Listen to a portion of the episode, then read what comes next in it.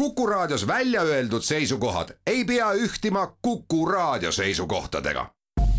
Te kuulate Kuku Raadiot.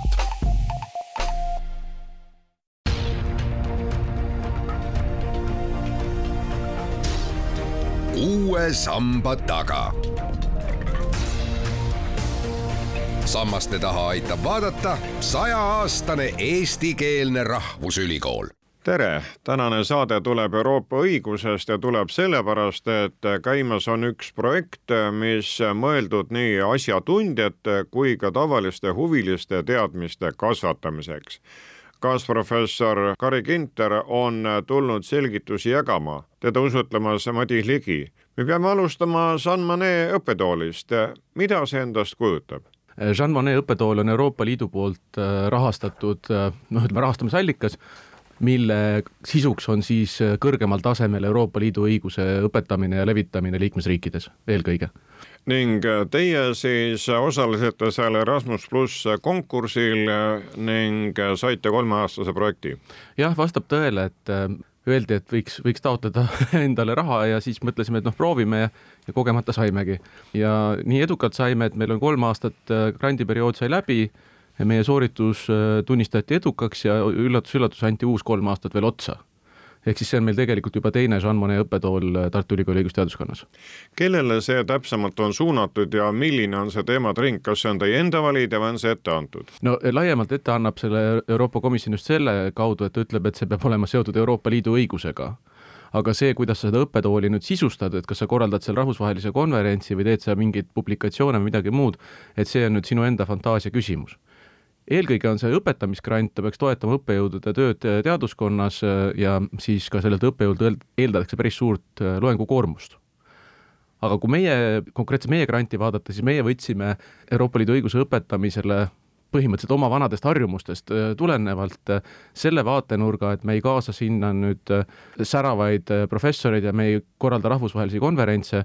vaid me kaasame meie enda üliõpilasi ja vilistlasi Euroopa Liidu õiguse õpetamisesse ja levitamisesse Eestis. ehk siis see meie nurk, vaatenurk, mille me valisime, on engaging youth ehk siis noorte kaasamine Euroopa Liidu õiguse õpetamisesse ehk siis nii alipäised kui ka päris esimese samme juurateel teevad inimesed on sellesse projekti sisuliselt kaasatud? jah, ja, ja, ja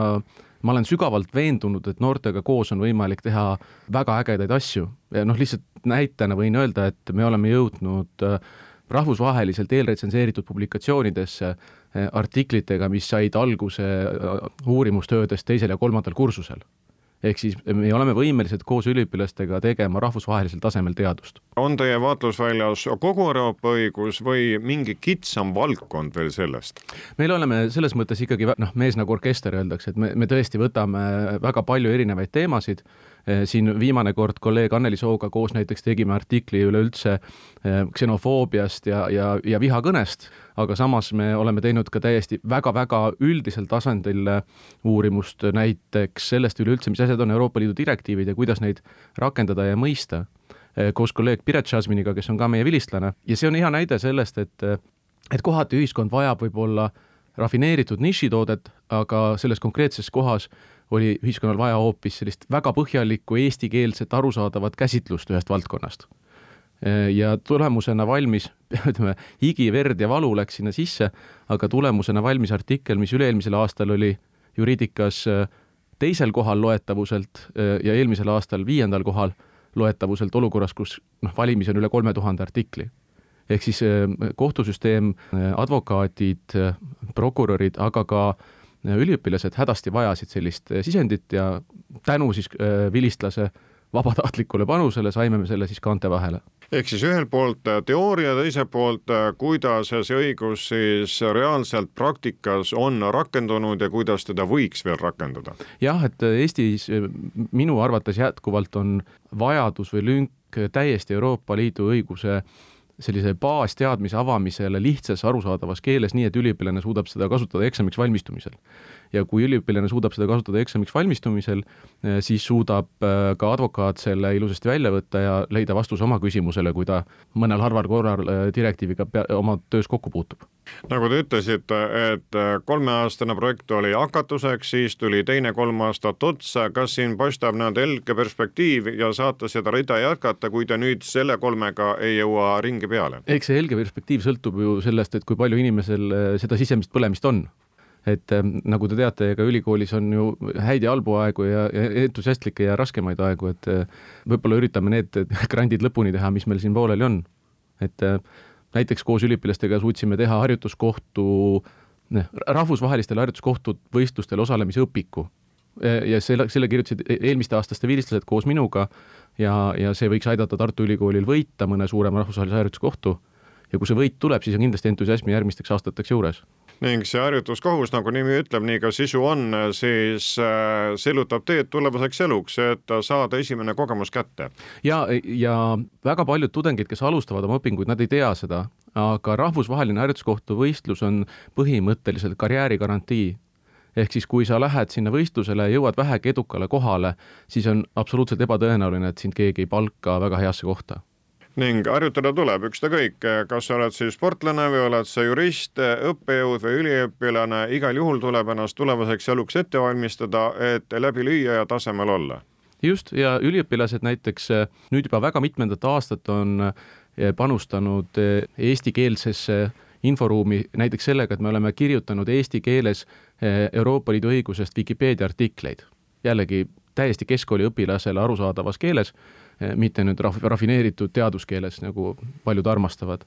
ja siis, kui nad panustavad ühiskonda sellisel viisil, siis tekib neil äkki ka suurem armastus selle valdkonna vastu ja empaatiavõime ülejäänud ühiskonna vastu. mitmed meist on käinud eh, keskkoolides õpilastega rääkimas, lihtsalt täiesti tavaliste keskkooli õpilastega sellest, mis asi on Euroopa Liit, mis on, ma ei tea, sideandmed, jälitus, kõik need teemad õpilastele väga meeldivad. saame teada, kas õpilane laseks endale viiesaja euro eest kuueks kuuks kaamera külge panna või mitte, väga vähesed on nõus. Ühtepidi õpetab see nägema, mis on oluline, mis mitte, mis tähtis, mis vähem tähtis, teisalt ka sõna seadma, selles mõttes, et see ei ole mitte kuiv juriidika, kus nii-öelda asi kaob kantseliiti ära, vaid selgitav sõna peab olema igale ühele mõistetav. see on meie üks suur nõrkus äh, läbivalt ühiskonnas, et äh, meil millegipärast igandina samastatakse keeruliselt rääkimist tarkusega ja keeruliselt kirjutamist tarkusega. aga tõde on see, et kui sa ei oska ennast lihtsalt väljendada, siis sa ei pruugigi üldse tark olla kuid äh, peale nende Vikipeedia artiklite olete ka kirjutanud teisi artikleid, millele te juba vihjasite, viitasite, lisaks äh, veel ka raamatuid ja õpikuid, ehk neid väljundeid äh, on väga erinevates vormides. mina olen lähtunud sellest põhimõttest, et tuleb mõelda kõigepealt, et mida on üldse vaja ja siis sinna suunata oma energia. ja teine on see, et mis on siis aktuaalne ja huvitav või ühiskonnas mõju omav nii me siis ka kirjutame rahvusvaheliselt nendest asjadest, mis juhtuvad Eestis. Ja tuleb välja, et meie teadusartiklid on vastuvõetavad Euroopa tippajakirjadesse, et see on suur kompliment, eriti arvestades seda, et need on värsked üliõpilased või värsked vilistlased, kes neid kirjutavad. Ja noh, üks asi, mis meil on ka olnud fookuses ja mida ma ka täna siin teen, on siis see, et, et Euroopa Liidu õigusest eh, ajakirjanduses, eh, ma ei tea, Rahvusringhäälingus, Postimehes rääkida sellisel viisil, et inimesed saaksid sellest aru. et, et see on ka üks meie missioon kommenteerida neid igapäevasündmuseid sellisel viisil, et inimesed noh, et, et kas siis on põhjust ehmatada või ei ole põhjust ehmatada, kas on toimumas midagi hullu või ei ole toimumas midagi hullu, et et siis seda eh, informatsiooni selgelt jagada on ka üks selle grandi eesmärk.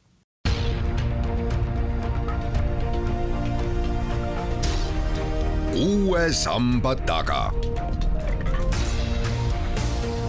sammaste taha aitab vaadata sajaaastane eestikeelne rahvusülikool saade jätkub ning täna on mikrofoni ees õigusteaduskonna kaasprofessor Kari Ginter. kas selle projekti nii-öelda tribüün, lava on siis kõik võimalikud kanalid, olgu ta rääkivas, kirjutavas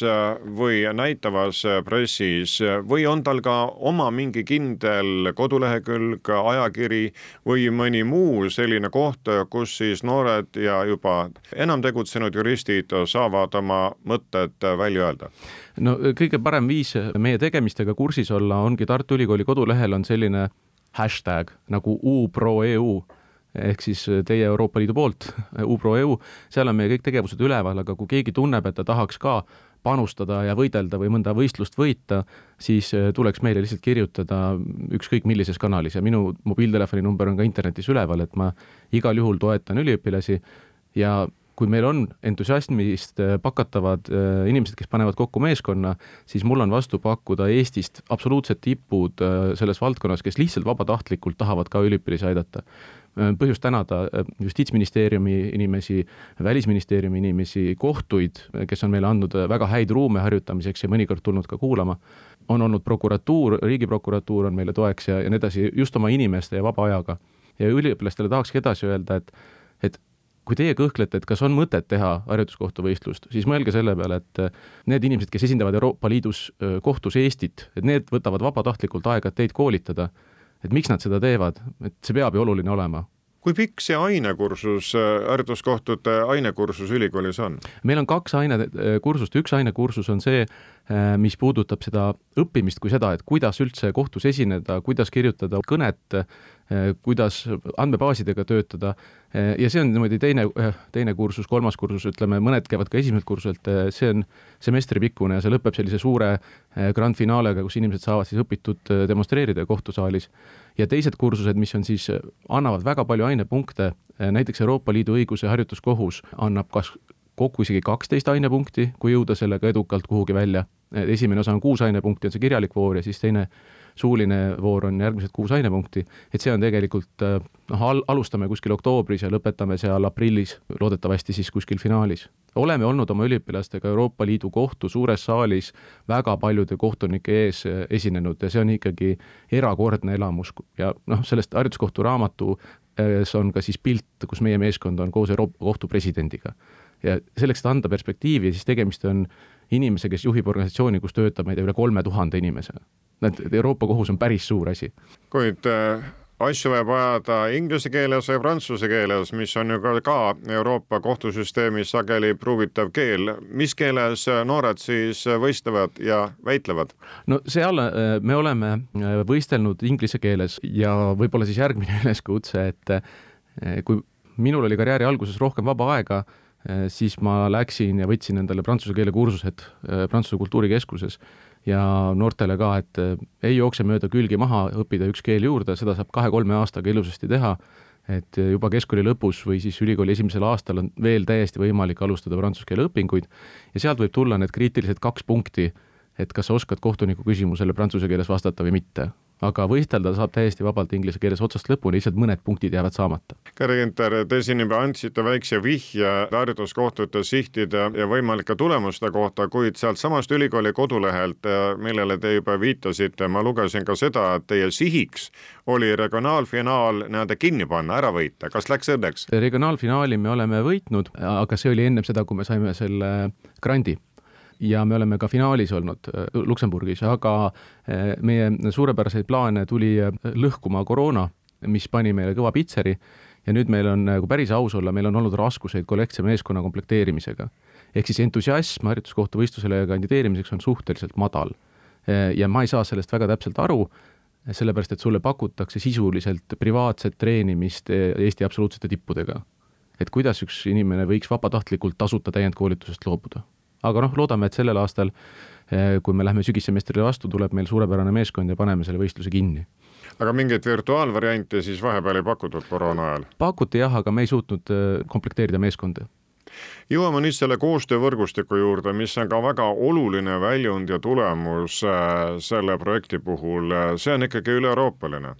jah, see koostöövõrgustik on üle-euroopaline, ähm, aga ma isegi väärtustaksin rohkem seda riigisisest koostöövõrgustikku, et need inimesed, kes kolm aastat siis koos igaüks mingit jupikest sellest asjast teevad,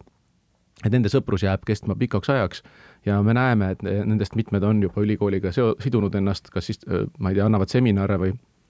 aitavad kirjutada teadusartikleid, et et need suhted ülikooliga muutuvad vilistlastel ka tugevamaks läbi selle, et nad saavad siis ülikooli panustada mitte ainult oma õppetööga, vaid ka õpetades lisaks sellele, mis on juba ära öeldud, on ju ka teil spetsiaalne selline e-kursus, nii et kellel vähegi huvi on, see saab selle kaudu targemaks. jah, see on nüüd selle e-kursuse eest mina ei saa au endale võtta, et mul on seal hästi-hästi väike jupikene, aga meie õigusteaduskond ja Tiina Mikk ja mitmed teised on aastaid vedanud siis seda e-kursust, mis on täpselt suunatud keskkooliealistele või siis ka täiskasvanutele, kes ei ole ülikooli sattunud, kus on siis tõesti võimalik enne ülikooli astumist aru saada, et kas juura on sinu jaoks. see võtab päris palju vaeva maha nendelt inimestelt, kes kõhklevad. et kui sa tuled esimesele kursusele, oled sisse saanud ja siis avastad, et see ei ole ikkagi üldse sulle, et siis see e-kursus annab selle võimaluse enne noh, oma karjäärivalikut juba sellele küsimusele vastust leida. Ehk siis see on väga tänuväärne, et kolleegid seda veavad, Tiina Mikk siinkohal tõstan eraldi esile, ta on seal ka saanud erinevaid tänukirju ja autasusid, et, et minu arusaamine on täpselt sama, me peame minema keskkooli, me peame inimestega suhtlema lihtsas keeles ja siis nad, sellega me parandame meie keskkonda kümme-viisteist aastat edasi et need juristid, kes siis pärast tulevad õigusteaduskonda, lähevad kohtunikuks, prokuröriks, advokaadiks, ma ei tea, vallasekretäriks, kuhu iganes, et nemad on selle võrra paremad, kui nendega juba varakult hästi suhelda. Ning kõik see kokku ikkagi annab äh, vihje ka tuleviku peale, et äh, kes tahab karjääriredelil juuras äh, siis näiteks astuda Eestist Euroopasse, olgu kas või Euroopa Inimõiguste Kohtuni välja, see peab need eelmised redelipulgad ka läbi käima. Ning üheks võimaluseks seda teed siis minna või vähemalt hakata minema, on seesama projekt, millest me täna räägime. jah, see on üks hästi vana äh, põhimõte, mille järgi ma olen tegutsenud, on see, et, et kui sa tahad äh, veenduda, et sul on hea karjäär, noh, loomulikult kõigepealt sa pead olema hea inimene, sa ei tohi olla juhm, aga üks nendest asjadest on see, et et kui kõik kumlauded ja, ja tipud kõrvuti seisavad, siis vaadatakse sulle otsa, küsitakse, et aga miks sina oled teistsugune mis on sinu eripära, mis on sinu tugevus? Ja siis on hästi lihtne lüüa lauale, et ma olin kolmandal kursusel, kui ma kirjutasin esimese rahvusvahelise teaduspublikatsiooni, ma olin, ma ei tea, neljandal kursusel, kui ma esinesin teaduskonverentsil eh, õigusteadlaste päevadel, ma olen kirjutanud mingit eh, eesti keeles eh, Vikipeedia artikleid kümme tükki, noh, ütleme, võitsin Euroopa Liidu harjutuskohtu võistluse. Ja kui sul on sellised argumendid sinna kõrvale panna, siis on ilmselge, et valija elu läheb oluliselt lihtsamaks. ja no sinu asi on ju teha valija elu lihtsamaks, kui ta tahab teada, et keda ta tööle võtab, et sina oleksid seal eesotsas? Ega te Eestis ju eraldi neid harjutuskohtute võistlusi ei tee, see tribüüni jääks liiga väikeseks, on vaja rahvusvahelist aret. ikkagi on ka niimoodi, et Eestis on täiesti oma harjutuskohtuvõistlus ka, ma olen sellel isegi kunagi ülikooli ajal osalenud, see on väga hea võistlus ja sinna ma soovitan ka tudengitel kindlasti minna. Ja mul ei olegi selle kohta rohkem midagi öelda, finaal toimub Riigikohtus ja see on täiesti arvestatav oluline treeningplats ka. lihtsalt kui sa tahad karjääri, mis on rahvusvahelisem, siis eh, noh, Euroopa Liidu harjutuskohtu võistlus või mõni muu, Willems C või mis iganes, eh, on veel palju võistluseid selliseid, et, et see on lihtsalt meile ainulaadne võimalus näidata, et Tartu suudab olla parem kui Kolumbia. ehk siis me oleme kui sa siin oled, sa võistled ikkagi omavahel, see on väga hea, sa õpid oskuseid ja sa kindlasti saad ka töökoha, kui sa oled seal tipus, aga kus on see koht, kus Tartu Ülikool saab näidata, et ta on parem kui Kolumbia, kui ta on parem kui Maastricht, parem kui Leiden, parem kui Stockholm? Et siis see harjutuskohtu võistlus on see, kus me saame siis rinda pista sealsete tippudega, kes võib-olla võtavad magistrikursuses eraldi kolme coach'iga kuus kuud harjutavad selleks ja me lähme siis kolmanda kursuse üliõpilastega ja teeme neile säru. see on päris hea tunne. aitäh, kaasprofessor Kari Ginter, usutleja oli Madis Ligi.